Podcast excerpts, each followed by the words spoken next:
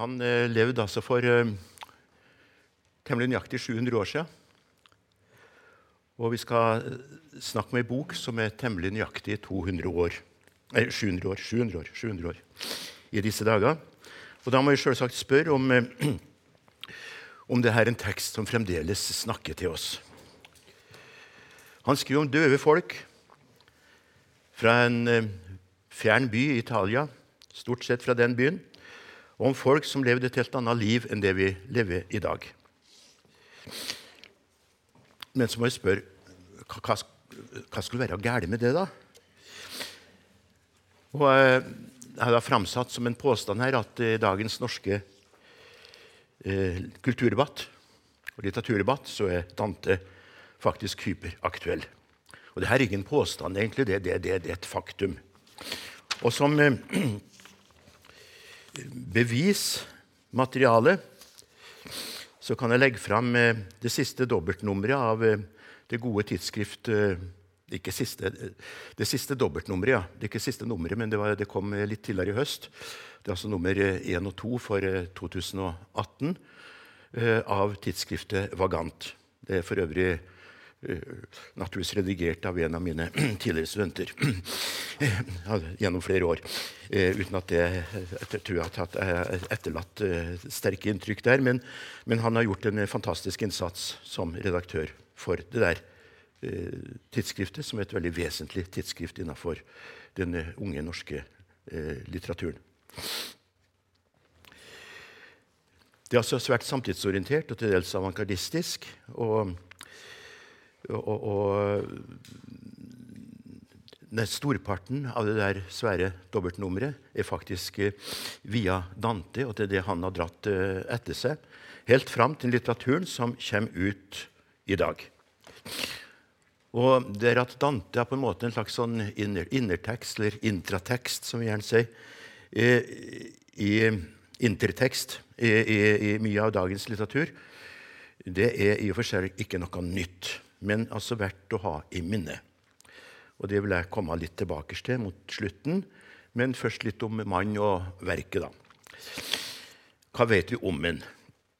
Altså, Vi vet jo en del om en, men eh, mye mindre enn vi kunne ønska og mye må vi gjette oss til, f.eks. fødselsåret. Når vi sier 1265, så er det fordi at Nikomediens første sang sier at den er midtveis i livet. Og ettersom et eh, menneskeliv i middelalderen var rundt regna til 70 år, så kan vi gå ut ifra at den var 35 i året 1300, da denne historien tar til på selveste langfredag i dette jubelåret. Og Den fredagen falt til overmål, overmål sammen med 25. mars, altså Marias budskapsdag. Og den markerte også det lokale nyttåret i Firenze.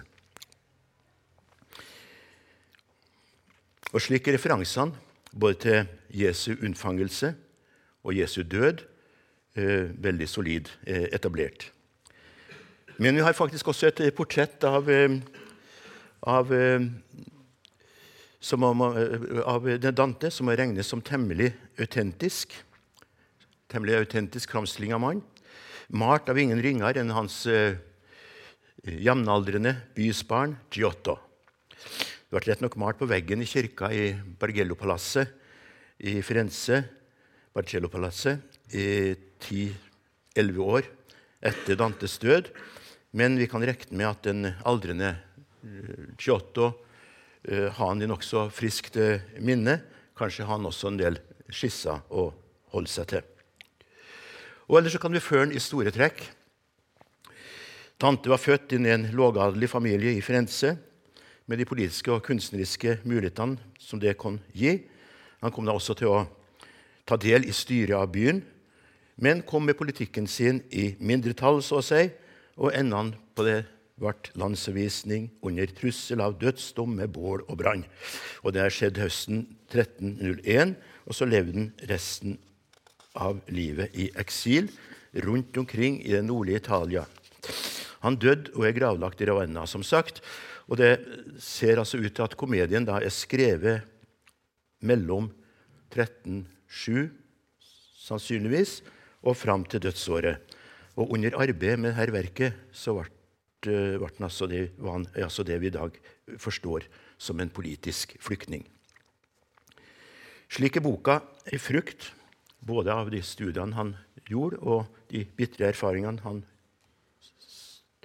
sikkert også gjorde under eksilåra. Han fikk rett nok etter hvert flere tilbud om amnesti, slik han kunne reise hjem, men nekta hver gang blankt. Han elska byen sin, men ville ikke ha noen ting å gjøre med dem som styrte der. Dante elsker Florens med en heftighet som vore fråga inte om en stad utan om en kvinna. Denna kvinna har förskjutit honom och han smedar och förbannar henne samtidigt som kärleken sprutar ur hans ögon.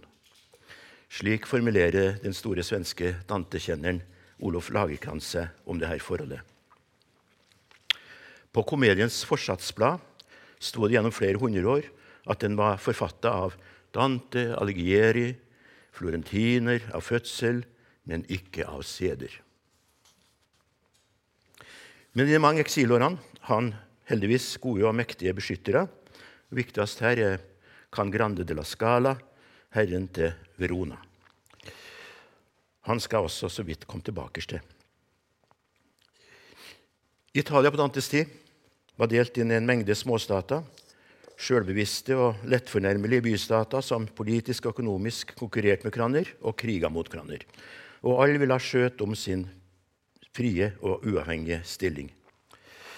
Da måtte de balansere politisk mellom enda mektigere ytre makter, som pavedømmet, den tysk-romerske keiseren og den franske kongen.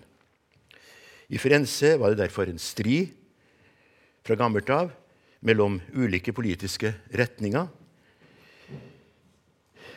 Det, var, det sto altså mellom gibellinene, et aristokratisk parti som støtta seg på keisermakta, og gelferne, et kjøpmannsparti i hovedsak som støtta seg på pavemakta. Det var kamp på kniven mellom disse partiene. De kjempa makta i byen, og hver gang den gikk til den ene parten, så førte det heftige sanksjoner mot lederne, lederne for den andre, med dødsdommer og landsforvisning.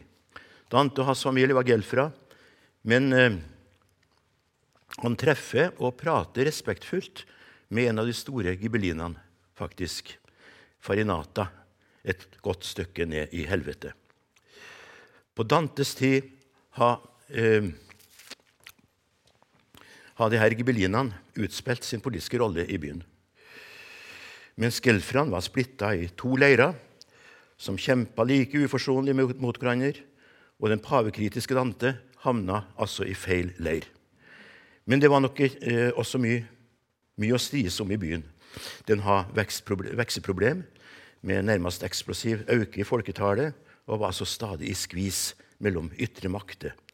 I ettertida kjenner vi også Firenze som verdens første moderne by. Det er det flere og nokså åpenbare grunner til. Byen var et finansielt eh, kraftsentrum og helt dominerende i europeisk økonomi. Og Mange av de grunnleggende begrepene vi dag, den dag i dag bruker innenfor handel og, og, og finans, og selvsagt også i omgangen med vår, egne, med vår private økonomi, stammer derifra. Florentinerne fant bl.a. opp det her med dobbel bokføring. Men eh, forfatteren og poeten Dante skulle altså før helt andre bøker, mer opptatt av vår sjeleøkonomi, der også kalkulasjoner av det her med debet og kreditt kunne være relevant med tanke på regnskapets dag. Når syndregisteret skulle gjøres opp og salderes mot det en på kontoen kunne rekne opp av gode gjerninger i livet. Og Som byen var moderne, kunne også Dantes bøker være forbløffende moderne for den tida han levde i. Det var en tidlig tittel som Vita Nova, altså Det nye liv. Her skildrer han det altså debutboka hans, så å si, fra 1292-93. Der skildrer han møtet med en ung dame, Beatrice. Og Hun står for han som en formidler mellom himmel og jord. Og her er nok kimen til Beatrice i komedien. Han ga ut flere bøker, f.eks. 'Convivio', som betyr middagsselskap eller gjestebudet. Og med forholdet mellom bibelsk og verdslig tekst. Hvordan skal vi forholde oss til dem som lesere, som tolkere? Det er altså, han utvikler en tolkingsfilosofi som peker fram mot eh, det rådet han senere ga eh, om hvordan lesere av komedien skulle møte den teksten. Så eh, var han også språkreformator. Han eh, ga ut eh, eh på latin et verk som heter De vulgari eloquentia, altså om talekunst på morsmålet, på vulgærspråket, folkemålet. Og, og, og der han, han, eh, hevder folkemålets rett imot uh, kirkelatin. Det er altså et språkpolitisk program. Og Dante er den viktigste grunnleggeren av, av italiensk, eh, det italienske skriftspråket. Han er altså en parallell til det Luther gjorde for det tyske språket, eller f.eks. det Aasen gjorde for nynorsken i Norge. Og det at han skriver komedien på vulgærspråket, på italiensk eller toskansk, det er altså et svært bevisst språkvalg fra hans side. Så var han også veldig opptatt av, eh, av, av eh, forholdet mellom verdslig og, og, og, kirkelig makt. Og han eh, mente at kirkemakta ikke skulle blande seg bort i en verdslige. Han eh, skrev også en bok som heter 'Demonarkia', altså om enevoldsmakta. Den eh, skrev omkring 1315, regner vi med, der han eh, mener at kirka bør stenges ut fra den vesle makta. Guds mening må gjøre seg sjøl til menneske, som Jesus under keiser Augustus. Du har vist at den virkelige kilden til keiserens makt var Gud sjøl, og ikke paven. Den boka ble satt på indeks fram til midten, og den sto på indeks faktisk helt fram til midten av 1800-tallet som forbudt lesning for gode katolikker. Skjønt moderne og moderne. Han var jo tross alt et middelaldermenneske og først og fremst prega av den innstillinga og den forestillinga som eh, middelalderverden er kjent for. Og Det finner vi ikke minst igjen i hans eh, Divina Comedia. Vi har bevart over 600 avskrifter av teksten fra 1330-tallet og ut framover, men altså ingen original. Vi vet rett og slett ikke nøyaktig hva Dante kan ha skrevet sjøl. Men kan heldig nok støtte oss på at teksten er stappfull av sterkt sånn stabiliserende eh, element. Det gjelder komposisjon og handlingsgangen. Det gjelder tallsymbolikken og metrummet. Ja, kanskje først og fremst rimflettinga med Dantes egen oppfinning, Tetzina rima. Den er gjennomgående i hele verket og såpass komplisert at den er vanskelig å gjøre etter. Komedien ble trykt første gangen i 1472. Divina, guddommelig, det ble den først ved en vensiansk utgave i 1555. Men komedie Det verket bryter jo litt med våre forestillinger om hva en komedie skal være. Likevel. Komedia Det er 1300-tallshumanistene har en litt uh, rausere sjangerforståing enn Aristoteles, som mente at komedie var dramatikk. Men slik Dante ser det, og som han gir uttrykk for i et berømt brev til den der nevnte Can Grande, får det være tilstrekkelig at gangen i et verk går fra skremmelig til godt, fra mørke til lys, og at eh, det ellers er, ellers er forfatta på folkespråket. Komposisjon det første det er altså snakk om tre ulike heimer. Helvete, skiringsheimen, purgatorio og paradiset. Og Den består av 100 sanger som da er delt opp eh, i et slags eh, nøyaktig matematisk forholdstall. Eh, den har en prolog som da forteller om hvorfor, her, hvorfor vi kommer inn i, inn i det her. Og så består helvete av 33 sanger og, og, og purgatoria av 33 sanger og, og paradiset av 33 sanger. Det blir 100 eh, til sammen. Jesu levetid 33 år ganger 3, altså. treenigheta. Eh, totaltallet 100, det er altså romertallet C, kjento, som også står for Kristus. Brevet av Can Grande er faktisk også oppdelt i 33 avsnitt. og Vi kan vel her ane at Dante var ramma av en slags sånn numerisk tvang. Alt skulle gå opp i viktige tall, og han var særlig god på tregangen. Det gjelder også metrumet og rimflettinga. Det dreier seg om et nokså frihetlig anvendt femfota jambisk eh, pentameter, altså femfota eh, jambe. Eh, omtrent som i de greske tragediene eller i Shakespeares blankvers. I hovedsak elleve stavinger i grupper på tre og tre, med altså lett utgang, såkalt feminin kadens. Dette versmålet er Dantes egen oppfinning. Og rima er slik laga at hvert av dem kommer igjen tre ganger, slik at det midtre rimet er ei gruppe eh, Altså det er elleve stavinger gruppa på tre og tre.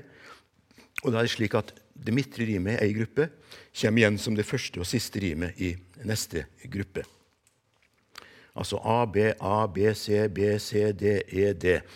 Jeg kan forsikre dere om at eh, første gangen jeg skal lese eh, tekst med slik rimfletting, så, så, så, kan du på en måte få litt pustevansker etter hvert. Men, men rima danner altså da ei uendelig rekke der alle deler griper oppløselig inn i hverandre. Og slik mener mange at de er i slekt med, med, med de gotiske bygningskunsten. Bare se på vestfronten på domkirka også, at du har sånne bordene og sånn som går bortover og bare går og går. Og De gir iallfall inntrykk av rastløs eh, bevegelse og understøtter slik den sentrale vandringsmotivet. Mange ærlige gjendiktere har slette med å etterligne det her metrumet. Og det er ikke lett å få det til hvis en samtidig også skal være trufast mot teksten. Handlingsgangen det er altså da ei reise gjennom de her tre heimene. I det hinsidige fra fortvilelse til opplysning og endelig et syn der en ser Gud direkte. Og ser også meninga med seg sjøl som vesen. Men fortellerstemmen er i preteritum, i fortid. Jeg fant meg sjøl i mørke skogen, sent på, eh, sendt på norsk. Og reisa er altså allerede gjort. Og det sitter eh, en eh, forteller sånn i ettertid og skildrer det som er opplevd. Vi har altså å gjøre med en beretter, en forteller og en pilegrim som begge heter Dante. Men det er et tidsspenn mellom eh, de her to stemmene, og det er legger til rette for en, en viss sånn tekstlig ironi. Poeten framstiller ikke pilegrimens sårbarhet og mottagelighet overfor synda didaktisk, men dramatisk gjennom hans eh, mimetiske reaksjoner på de synderne han møter. Pilegrimen er slik sett en leser som blir prøvd på grunnlag av sine lesninger. Av det han møter, og leseren blir på samme måte en pilegrim.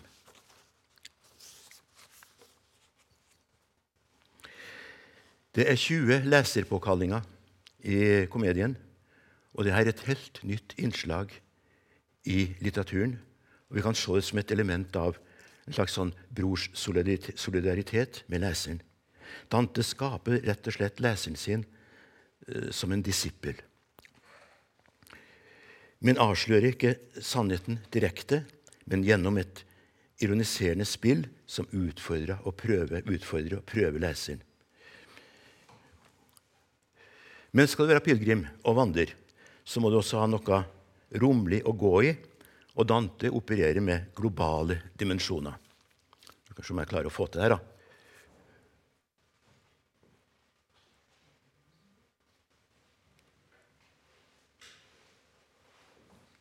Eh. Dette blir verre og verre. Trykker jeg ikke bare på den der? Nei. Ser ingenting. Hva gjorde du nå? Jeg trykker på den. På den, ja. ok. ja. Eh, som sagt, eh, eh, globale dimensjoner.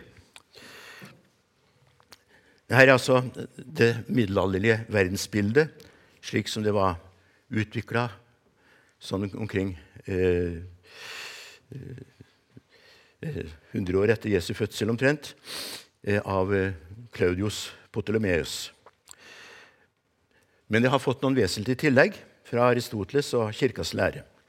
Den gropa som vi ser som skjærer seg inn fra undersida av kloden, og denne kjegleforma utveksten på toppen har nok ikke den gode astronomen eh, Ptolemaios eh, tenkt på. Men de geosentriske planetsfærene det skal han ha ansvaret for.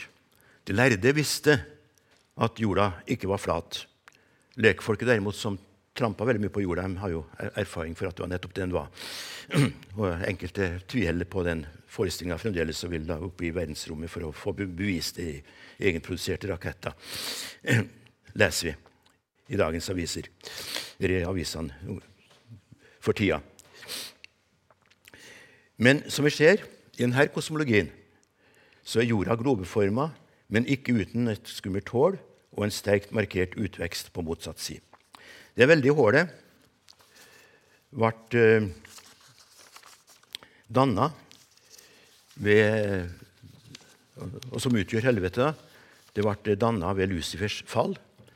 Utveksten på motsatt side har oppstått som et slags sånn uh, Av den overskuddsmassen som dermed ble skua ut i, i friluft. Og den kom til å danne Skjærsildfjellet.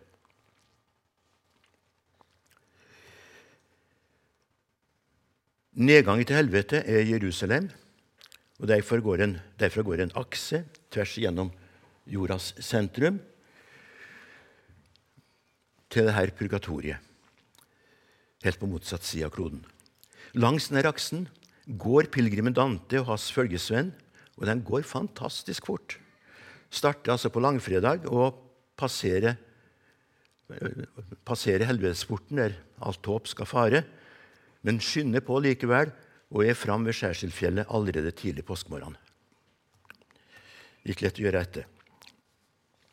Men så starter altså det, det hele med at en midtveis på vår ferd gjennom livet har gått seg vill i skogen. Det er sånn gryende 40-årskrise der. Og samtidig nokså allmenn. Vi har å gjøre med en tung og metta symbolikk fra første stund. Pilegrimen representerer den fortapte menneskeslekta. Skogen, sjølve livet. Han aner et lysende fjell langt bort og vil prøve å komme seg beinveis dit, men blir hindra av tre ville dyr, en leopard, en løve og en forferdelig ulv. De står for noen høgst menneskelige dødssynder, f.eks. kjøttlyst og, og, og hovmod og, og, havesyke, som, som også pilegrimen ligger under for. Så dukker det opp en mannsfigur og det viser seg å være ingen ringere enn Vergil. Nå skal jeg trykke på den eh, rette knappen. Der. Sånn. Der, ja. Der har vi et, eh, framstilling av eh, altså Blake, den engelske romantikeren og mystikeren. Han eh, ble sent i livet veldig opptatt av eh, Dante. Han lærte seg til og med italiensk i løpet av de siste årene han har levd og, og, og illustrerte samtlige eh, sanger i, i, komedien. Og det her er altså da Dante som da flykter for eh, de forferdelige eh, dyrene. Og så ser vi altså ikke en mannsperson, men en kvinneskikkelse der som, eh, som, som, som, på en måte kommer til uh, unnsetning, en slags engel. Det er jo litt sånn indirekte skildra, fordi Eh, den kvinneskikkelsen har gitt ordre til en eh, mannsperson som da allerede befinner seg i helvete, om å komme Dante til unnsetning. Altså, mannspersonen er ingen ringere enn Vergil, Romerrikets største poet, og den Dante beundrer over all. og også sjøl vil måle seg imot. Men utover det her, hvorfor Vergil, da? Jo, altså i kristelig sammenheng blir Vergil, som døde 17 år før Kristi fødsel, regna som en slags profet. Som spådd Frelserens komme i et av diktene sine. Dessuten står han bak en av verdenslitteraturens store eh, katabaser, altså nedstigninga til, til, dødsriket, slik han har skildret her i Enidens sjette, sang, eh, sjette bok. Og med Enias har Vergil også vært i slike trakter før, og er derfor godt kjent med forholdene på stedet. Han kan guide. Og han har fått eh, sitt oppdrag det er altså legitimert ved at det første ingen dårligere enn jomfru Maria, som fatter godhet og medynk med Dante, så går det videre tjenestevei ved at hun ber Lucia eh, formidle til Beatrice at nå må hun dra ned dit og, og sørge for at eh, fyren eh, blir tatt hånd om.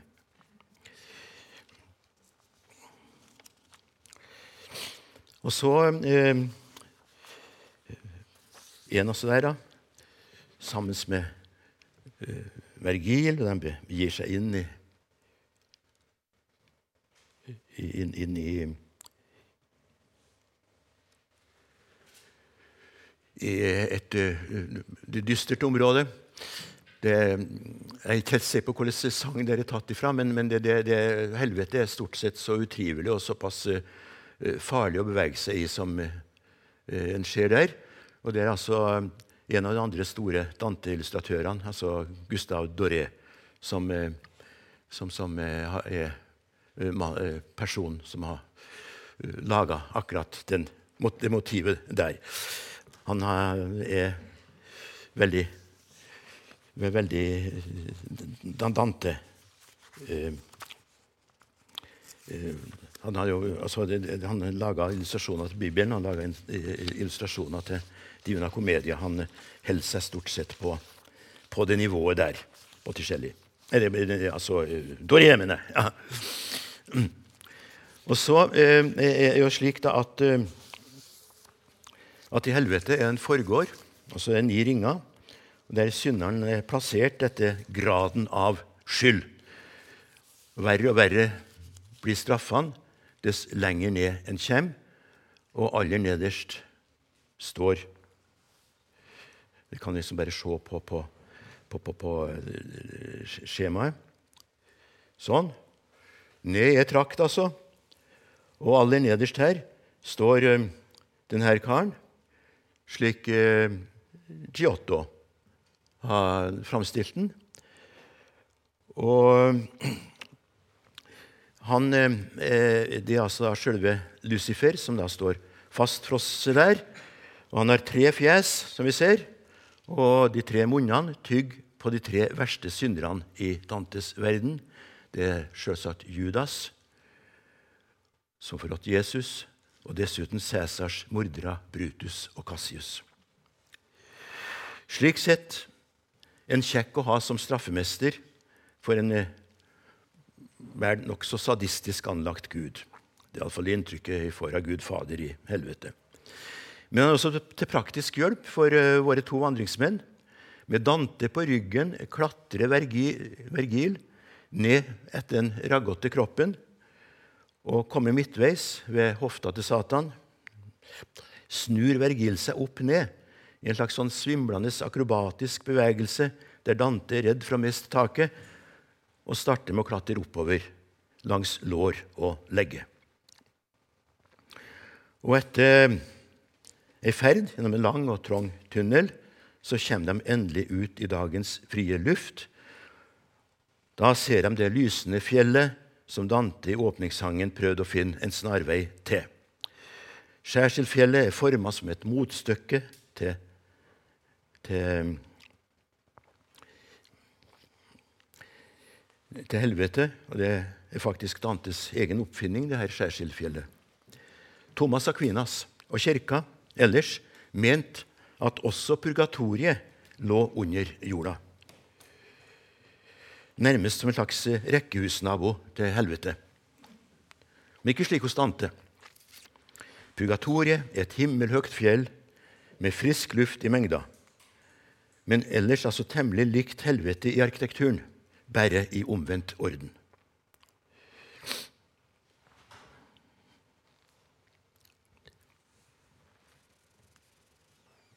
Ja.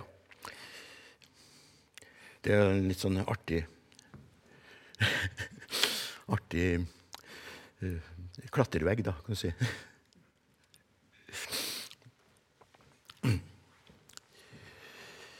Her eh, står altså Dante ved nedgangen til helvete.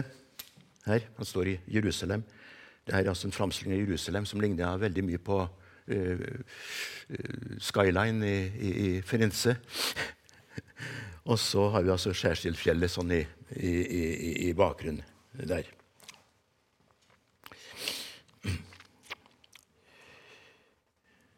Men det er altså snakk om en, en, en forgård med Nei, vent litt nå.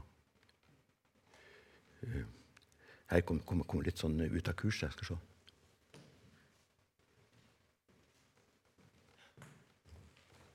Tilbake der. Nei. Nei, nei det er tilbake. To tilbake. Ja. Der, ja. Vi holder oss der. Ja. Ok. Det er greit. Ja. Det som foregår, sju terrasser der sjelene driver ulike former for botsøving, så å si som i et slags eh, gigantisk treningsstudio. I, i motsetning til de, den statiske tilstanden i helvete er det snakk om dynamikk. Syndere er de nok her også. Men syndene er tilgivelige, og en kan arbeide seg opp og fram gjennom en seriøs innstilling til treningsopplegget som en er pålagt for å reinvaske flekker på, på sjela. Og lønna for et vellykka løp gjennom denne lutringsprosessen det er altså innslipp i det jordiske paradiset aller øverst på berget. Dit kan ikke Vergil være med. Og Dante feller noen tårer over tapet av kameraten men blir trøsta av Beatrice, som han har møtt like i forveien, og som mener hun må være bra nok for han. Og dette møtet blir altså regna som diktets poetiske høydepunkt.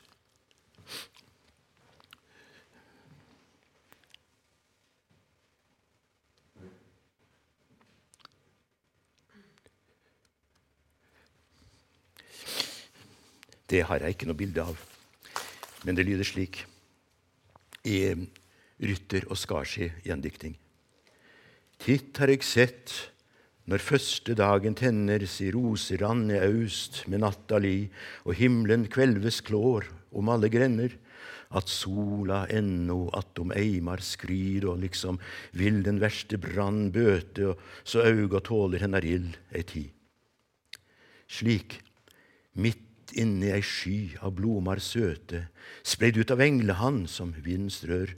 Ei møy på vogna ga meg auga, ga mitt auga møte, olivenkransa bak et ålkvitt slør.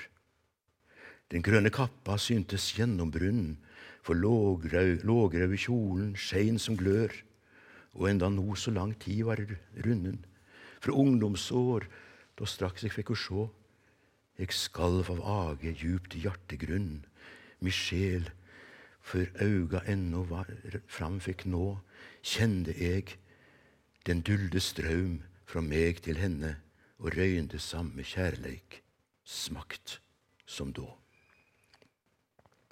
Og så ja, så flyg Dante eh, forsvarlig lutra og vaska til himmels sammen med Beatrice og himmelen er også delt inn i ni ringer.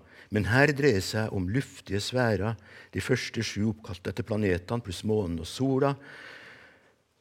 Og over der har vi fiksstjernehimmelen, og over den igjen krystallhimmelen.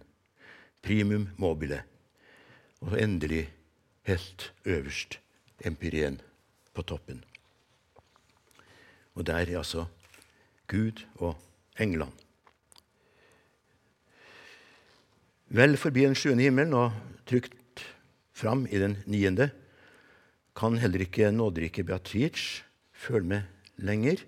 Hun blir bytta ut med Sankt Bernhard, som til slutt må vike for sjølveste Maria. Og her altså, sitter englene på himmelrosa, surrer omkring som en bisverm omtrent. Og her er det altså at Dante da til slutt kan skue inn i, selv, i, i, i, Guds ansikt.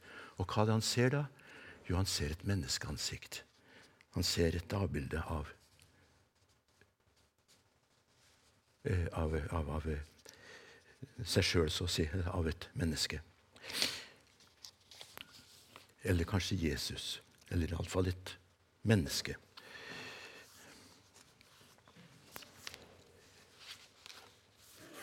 Det er altså snakk om eh, eh, lys i enorme mengder. Det er snakk om en, eh, en slags eh, geometri med, med, med, sirkler og andre eh, figurer. Det hele ender i et anerkjent, uløselig matematisk problem. Ikke mindre enn spørsmålet om sirkelens kvadratur, som her likevel finner sin løsning, rett nok med en lynglimt og i et syn som Dante ikke kan gjøre greie for etterpå. Så der står vi, og lenger kommer vi ikke i den menneskelige forstand med matematikken på dette punktet. Men Gud er iallfall en uendelig kjærlighet og et eh, blendende lys den troner eh, oppe på himmelrosa og den første og umgjengelige årsak til alt av røsle og liv. Og liv. Som matematikeren forgjeves grubler på sirkelens kvadratur og inte finner, tross all sin møda, formelen han behøver, så ville jeg, ställd inför detta nya, sällsamma syn, forstå hur bilden ingick i cirkeln og med den kunne forenas. Så høgt bar ikke mine egne vinger. Da gjennombevades med, med ens mitt minne som av en blikst, og ønskningen ble oppfylt. Her vek den store fantasiens krefter. Men likt et hjul som framdrivs jevnt og sikkert, følgde nu all min lengtan og min vilja den kjærleik som rør sol og andre stjärnor. Det er altså et slags sånn eh, unio mystica, det han ser enheten mellom seg sjøl som menneske og guddommen. Tre lysende sirkler, som da uh, trefarga sirkler, som da går inn i én sirkel, og inni den sirkelen er altså Guds avbilde, mennesket. Men tilbake til helvete. Det er der vi har de sterkeste historiene. Og det mest eh, spennende grunnlaget for eh, å tolke tekst også. Eh, særlig må vi være oppmerksom på Dantes ambivalens og respektfulle omgang med flere av de døde som en treffer der. Det gjelder f.eks. Eh, kjærlighetsparet Paolo Francesca. Det gjelder den store gibelliner Eh, høvdingen Farinata. Det gjelder hans gamle lærer Brunetto Latini. Det gjelder fremfor alt sjølve Odyssevs. La oss bare se på et par av disse møtene. Først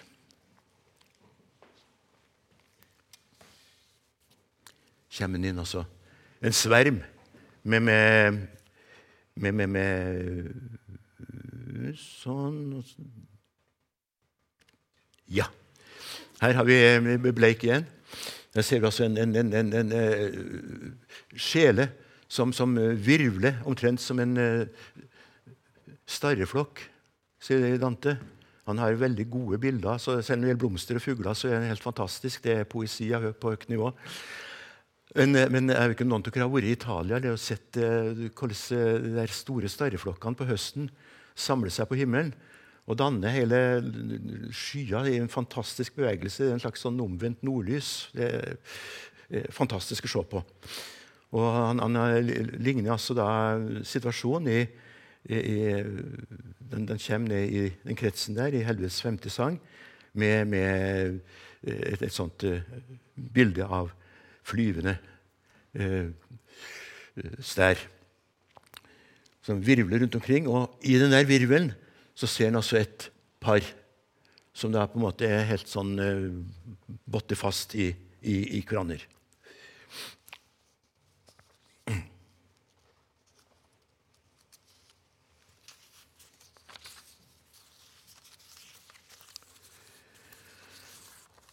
Det er altså da dette kjærlighetsparet. Og det her, eh, da er vi tilbake til en stor eh, sosietetsskandale og en stor sosietetstragedie i eh, de delene av Italia som Dante kjente godt til. Eh, fra 1385, da Dante var en sånn 20-21 år gammel.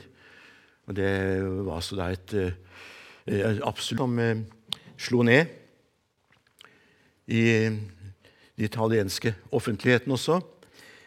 Og Dante kjenner igjen den damen der. Han kjenner, henne naturligvis og roper på. 'Hei, Francesca. Hvorfor er du her?' Liksom, hva, hva, hva, hva, er bakgrunnen for denne konstellasjonen? Men Bakgrunnen er altså at, at, at uh, Francesca ble gifta bort til en stygg og, og, og, og vanskapt uh, fyrste i Rimini.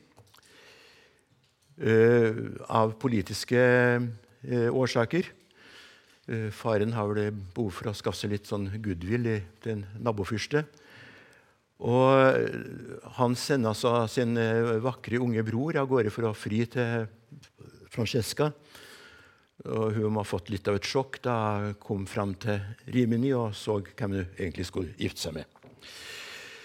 Så eh, etter noen år i det ekteskapet så oppstår det da søt musikk mellom hun og Paolo, som da var frieren.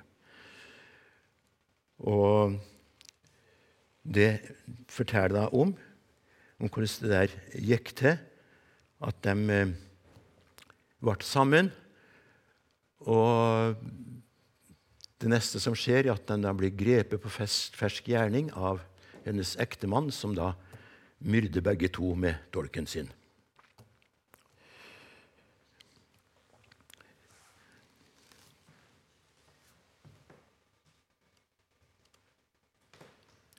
Ja.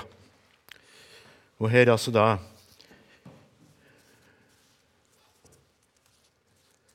Da, da Francescas forklaring på hvordan det hele gikk til. Hun svara, ikke fins det større ved enn disse sorg og minnast særlig tider. Han du har lært av, kan fortelle det. Men vil du vite hvor vår brann omsider fikk næring av det første vesle drag, så skal jeg tala med gret og kvier. Vi las til lyst og tiartrøyt en dag om Lancelot som trylt av elsklaut, svarme, uskyldig, enslig satt vi to i lag.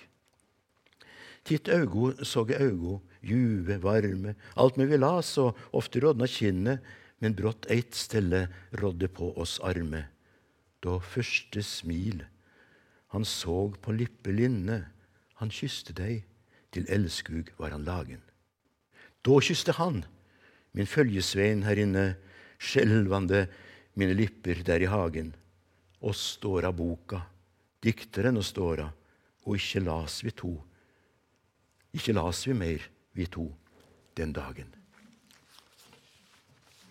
Så kan du tenke seg hvordan det gikk for seg. Og det her er rørende og rent en høgsang til litteraturens makt. Boka som en slags go-between, akkurat som prins Galiotto i historia om Lancelot og Ginevre. I Dantes original står det også at boka ble en Galiotto. Men se på Dantes reaksjon på møtet mellom to. her. Han faller i uvett. Han dåner. Den straffa de er utsatt for, er ikke til å holde ut. Den er helt urimelig. ut av alle proporsjoner. Vergil forsøker også å snakke den til rette, men likevel her er ikke Vergil noe særlig overbevisende, vil jeg mene. Dante og Francesca de er straffa, en slags sånn contrapasio. Altså en fiksert i, sånt, uh, i, sitt begjær. Og De kan ikke skilles fra hverandre. Og de er ført bort fra Gud fordi de ble myrda og ikke fikk tid til å angre på synda si. Men Francesca er en kvinne som elsker. Hun er evig knytt til den hun elsker, som Isolde eller Anna Karenin kanskje fra mer moderne litteratur. Men, eh, men, men eh, det er helt tydelig at, at eh, Dante syns det her dette, dette, dette blir et for, for sterkt møte. Og han opplevde det ikke som uh, rettferdig. Og like urettferdig syns han straffa er for den gamle læreren hans, altså en edle og lærde Brunetto Latini, som han ellers bare har godt å si om, men han er plassert der nede i helvete for at han er homoseksuell. Og slik forbryter seg mot naturen ved å være ufruktbar. Men langt ned i helvete, i den 26. sangen, treffer han selveste Odysseus. Og det blir det sterkeste møtet av alle. Han er plassert så langt ned fordi han fant på det der knepet med, med trehesten, og slik, ved svikefulle råd, var årsak til at Troja ble ødelagt. Og Som vi vet, så er Vergils store verk om Enias en historie om hvordan denne store helten kommer seg unna katastrofen og etter lang flakking som båtflyktning på Middelhavet endelig kommer seg i land i Latium og får grunnlagt Roma. Odysseus er slett ingen helt i den historien. Men likt Eneas har også Odysseus gjort i ferd til underverden, altså en tilsvarende reise som den Dante nå er ute på. Odysseus er en mann som søker kunnskap dygd, og slik er han en farlig mann eh, innenfor et, et, et, et sånt uh, religiøs, kristenreligiøs uh, forståelse. Og Dante uh, føler veldig sånn sterkt at hans egen reise på mange måter mimer, etterligner, hermer uh, den reisa som Odysseus har gjort, og også en reise som blir Odysseus endelig til slutt i denne historien. De er begge ut på noe som er overskridende, nyskapende, av noe som dødelige egentlig ikke skal ha kjennskap til, og derfor skal holde seg ifra. Altså I Odysseus kjenner Dante seg sjøl igjen. Og møtet med, med, med Odysseus det er altså det det er et av de to sterkeste møtene han har i underverden. Det er grunnen bare møtet med Francesca som kan sammenlignes med møtet med Odysseus. Det virker enda sterkere, enda kraftigere inn på han. Altså Han rette møtet og rette begjæret sitt med Odysseus som, som den andre, som sitt speilbilde, så å si.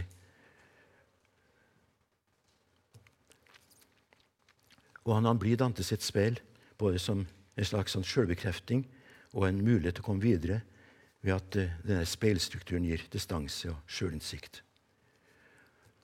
Og det er dem som da mener at Odysseus får bare større verdighet av å være plassert så langt ned i helvete som han er. Han har kvaliteter som diktet omtaler med ærefrykt og beundring. Det er han og ikke Satan som er den virkelige motsatsen til Gud. Satan er bare en negasjon. Odysseus derimot, han vil ting. Han har et prosjekt.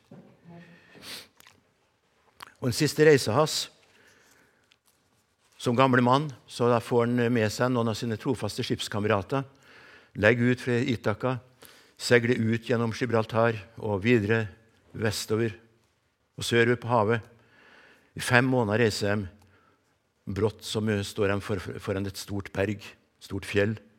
og Der bryter ut noen forfeilige stormer, og skipet går til grunne.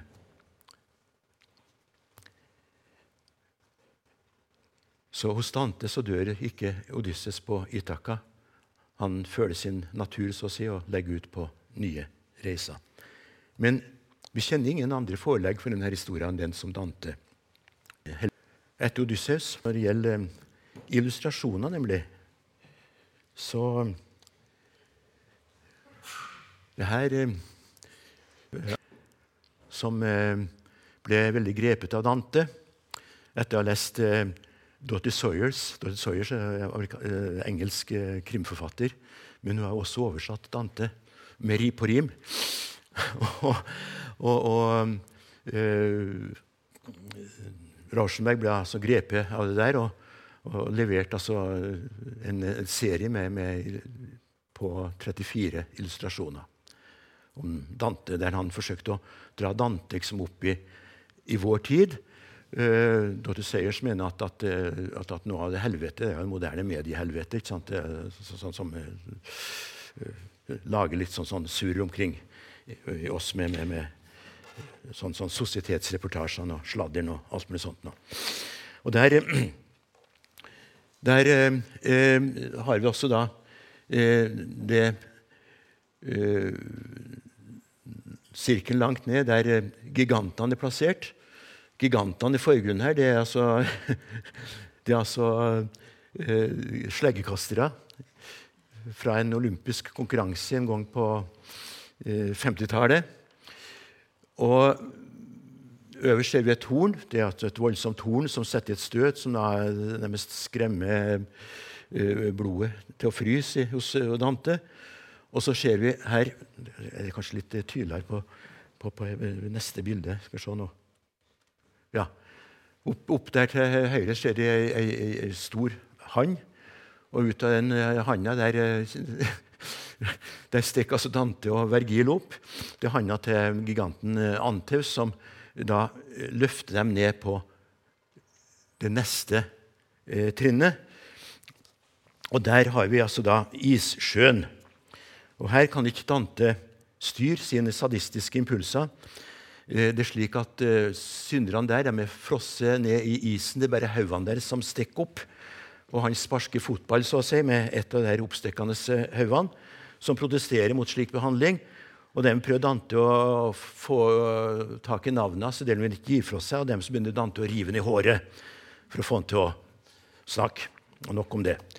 Her er et bilde fra to år tilbake som neppe kunne være laga slik om det ikke hadde vært for Dantes skildring av issjøen.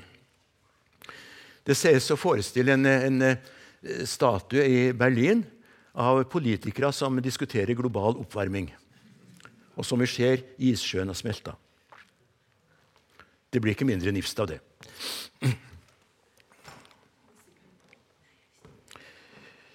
Inferno, altså langt på vei et oppgjør med Dantes eh, eh samtidig byspan.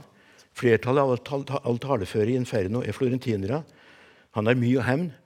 Og sist på går han altså helt sånn bananas mot den her tidligere niddingen eh, bukka ut på isen. Men hatet til den samtidige paven, Bonifasius den 8., er ikke mindre. Og han er da eh, sikra en plass. Han er ikke død ennå på et tidspunkt i pilegrimen for Teresa si, men han er sikra en plass eh, nokså langt ned i helvete i den 19. sangen. Og Paven og pavehoffet ble ellers omtalt som den store skjøgen han er nærmest i tråd med Johannes' åpenbaring. det er flere paver som han ikke har noe særlig godhet for. Men det her er også ment som en danningshistorie. Og Dante omtaler i det nevnte brevet sitt til Can Grande, eh, der han eh, skal greie ut om hvordan det skal leses, om hvordan det her skal eh, foregå og bli forstått. Og det skal forstås sånn hovedsakelig på to plan. altså Et bokstavelig plan, det er selve historia sånn som vi leser den. Men det her er jo en allegori, så det er altså en figurlig mening bak. og Den figurlige meninga har altså flere aspekt. Den har et moralsk aspekt, og den har et, et såkalt anagogisk prosjekt, prosjekt, eh, aspekt. Det, har noe å gjøre med det som løfter oss opp til himmelen. Men vi skal dra altså moralske lærdommer ut av det her. Vi skal se det hele som en framstilling av noe annet. Og dypere, så å si. Og da er det slik da at, at enkelte mener at her kommer vi til en slags sånn motsetning mellom Dante som eh, poet og eh, Dante som eh, teolog. For den teologiske eh, tolkinga det er jo det at pilegrimen, eh, som da ikke er helt sånn gjennomkristen ennå, han lærer seg å forstå Guds mening også med straffene i helvete. Og, og, og, og slik eh, kommer til en sånn solid forståelse av hva som er guddommens mening med menneskeheten. Mens eh, poeten da hele tida motsi eh, en slik, eh, slik, tolking. Poesien kommer i konflikt med strukturen. Teologen er en pedant, sier Croce. Eh, men poesien den er altså snakk, det er snakk om levende episoder som er opphengt i et stillas av døde tanker. Og Det kan være altså problemet med mange av de allegoriske tolkingene. At de blir begrensende, de blir ufruktbare.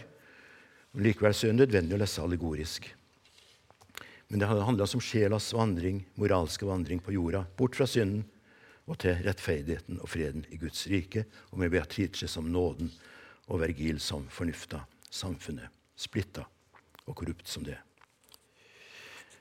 På mange måter så er det mest uvirkelige, uvirkelige dikt, diktverket som, som, er skrevet. Tenk på det. Alle er døde, bortsett fra Dante.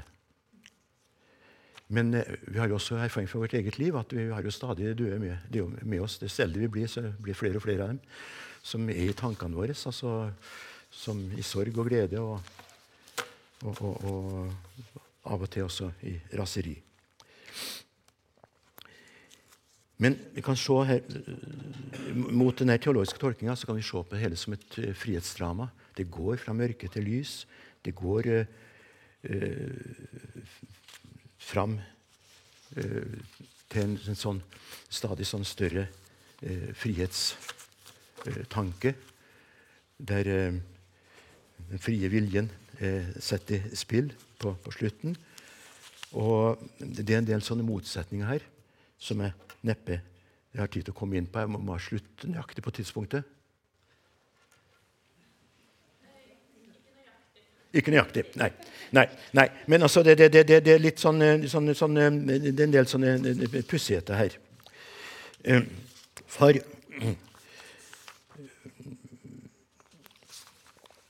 i, i, Det er jo en del som, som, på en måte Dante spør Vergil ja, men, har de som kommer hit, og som er sammen med det her i det her limbo, liksom det der edle hedninga og og sånn går. Folk som ikke har hørt om Kristus. Eh, blir her evig. Nei, altså, Jesus har vært nedom her og henta med seg en del av figurene fra Gammeltestamentet. De har ikke heller ikke hørt om Jesus, men de har blitt berga opp likevel, sånn som Adam og, og Moses og Noah og, og, og, sånne. Ja, men det betyr jo at det er mulig å komme ut av helvete, mener Dante da. Eh, men det er ikke sånn helt sikkert likevel. Og så kommer han til inngangen til Skjærsiltfjellet. Der, der står den gamle romeren Cato. Og hvorfor står han der? Altså, Han er jo både hedning Han var motstander og, og, og, og slik sett eh, absolutt uh, fortjent et opphold sånn sammen med Vergil, så å si. Så var han motstander av Cæsar på samme måte som Brutus og Cassius, men de blir jo tygd på av Satan. Og endelig så var han også sjølmorder. Så altså minst tre grunner til at han skal være i helvete. Men av en eller annen grunn så er han altså plassert ved inngangen til skjærsilden. Og Dermed så sprekker jo på en måte der helveteforestillingene. Og, og enkelte mener at uh, det er så mye sterke motsetninger her at, at, at uh, komedien betrakta ut fra et sånn helhetssynspunkt er også en skildring om uh, et helvete som, som, som, som tømmes.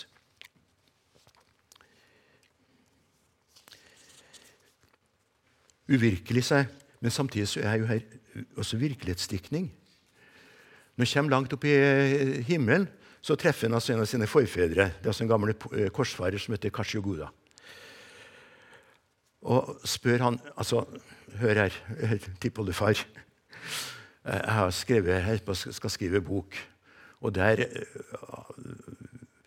har jeg nok skrevet litt stygt om enkelte navngitte personer som har, et, hatt et liv på jorden. Og, og, og bør jeg stryke det? Sånn For ikke å komme i konflikt, for de kan jo komme til å hevne seg på meg når jeg er tilbake på jorda. Nei, nei, nei, sier kanskje Goda. La det stå. Altså det, det, kan jo dras inn i dagens debatt om virkelighetslitteratur. Akkurat det her eh, argumentet til eh, gamle Kashigoda i, i himmelen. Men som sagt Vi har eh, et diktverk som eh, flere har slitt seg ut på å eh, oversette. Og likevel så er det mange da, som har gjort det der.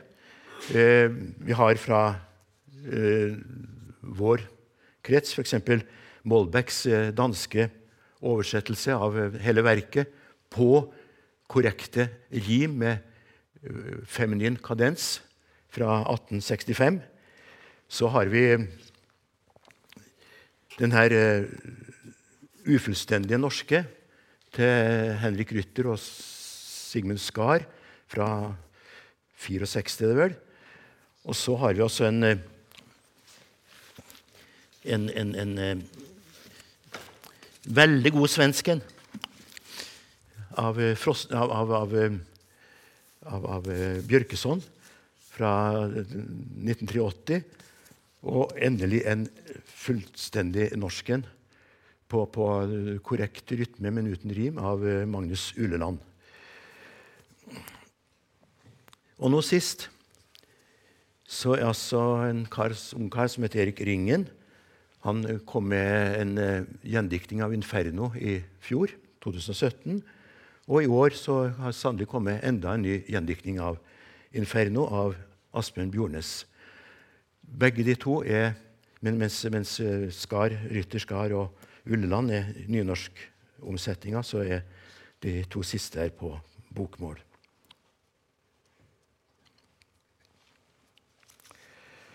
Og Versjonen til Ringen den er altså da eh, meget utførlig behandla i, i, i, i denne eh, store nummeret av Vagant. Og det gjenkjenner sikkert eh, ragget til Altså en jeg til Lucifer til Giotto på forsida der. Der er det også da, eh, eh, omtale av flere, eh, flere oversettelser enn en bare ringen sin. Men det er også ført fram til litteratur som har kommet ut helt iallfall så sent som i fjor, og med, med sterke Dante-inspirasjoner eh, i, i, i, i utførelsen.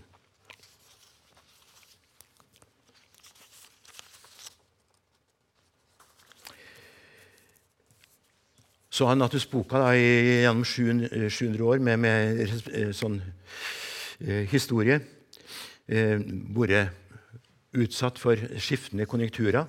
Renessansehumanistene de, likte ikke Dante i hele tatt. De syntes han var uklar, og gotisk og smakløs. Og det var sånn passelig lesing for skomakere og bakere. Eh, I opplysningstida, et par hundre år etterpå, på 1700-tallet, så det var det slik at eh, ideologene der, som Walpole, Eh, han mente at dette var et diktverk som var ekstravagant, absurd, motbydelig. Ja, stort, eh, kort sagt sånn, det er, er som det skal være skrevet av en metodistprest på dårekiste. Vinje, vår store eh, jubilant i år, han likte heller ikke Dante, som han fant tilskapa og unaturlig. Kulturradikalerne i mellomkrigstida, som f.eks. Helge Krogh, de, de avskydde Dante. Aldri har noen mann elsket en kvinne mindre enn Dante elsket Beatrice. Det, det, det syns eh, Helge Krogh. Det var snakk om kristendommens skjenning av den menneskelige erotikk. Eh, ja. Men altså, samtidig med dem så har vi altså forfattere som Hans Kink og, og, og, og Olaf Bull og, kunstnere som Vigeland. De satte pris på Dante, eh, alle sammen. Og kan si at Jevnt over så har Dante hatt en sånn høgkorrektur, f.eks. under barokken og romantikken. Så det er Blake-illustrasjonene. Og modernismen. Milton, f.eks. Veldig mye Dante der. Blake, som sagt. Og modernismen. Rilke, Elliot, som da sa at det fins bare to diktere av toppklasse. Det er Dante og Shakespeare. Hans samtidig Esther Pound, men framfor alt Beckett. Altså Tenk på Godot og sluttspill og alt det, det, det, det, det og også romanene hans. Det er veldig mye Dante og Beckett. Men Trondheim, da? Jo da, jeg kan eh, faktisk nevnt tre tilfeller der han har vært innom. Den gode latineren Carl Müller starta en gang rundt 1860 arbeid med den første norske gjendiktinga av komedien, trolig mens han fremdeles var rektor på katedralskolen. Men nesten 150 år før han, og hold dere fast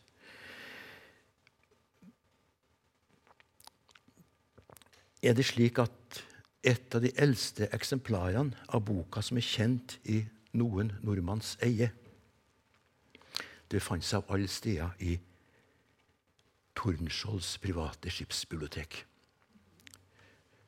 Tordenskiold. Og på originalspråket. Og vi må spørre hvorfor nettopp Dante? Og på italiensk? Det kan vi spekulere på. Og det kan iallfall neppe være det at Dante i Skiringsheimens 30. sang ligner Beatrice med en admiral. Og endelig for å dra det hele opp i dagen. Gunnar Wærnes, også han en, i, en, slags poet i eksil, men altså frivillig, og for øyeblikket høgst nærværende som brød og esel under denne litteraturfesten, han har prestert en Dante-relatert tekst som kan være verdt å ta med seg nå på tampen. Ok, Det dreier seg om en gjendiktning av den store russiske poeten Anna Akhmatova. Men eh, men, men, men, men, men lell, da. Og diktet eller sangen tematiserer den landsforviste flyktningens eksistensielle habitus. Og det skal ikke være tvil om hvem hun synger for. Ikke engang etter at han døde, dro han tilbake til sitt gamle Firenze. Dette var en mann som dro i vei uten å se seg omkring. Det er for ham jeg synger denne sangen fakkel, natt, et siste favntak, på terskelen et vilt skrik fra skjebnen. Fra helvete forbannet han en hjemby han ikke maktet å glemme selv i paradis. Men botskledd, barbeint og med talglys tent gikk han aldri gjennom sine ønskers frense, så svikefullt og simpelt, så lenge etterlengtet. Nei, han kom aldri hjem til Frense, men denne fine gjendiktninga gjort av vårt bysbarn Wærnes kan vi derimot se at Dante på et vis kommer hjem til oss. La oss stoppe her. Takk.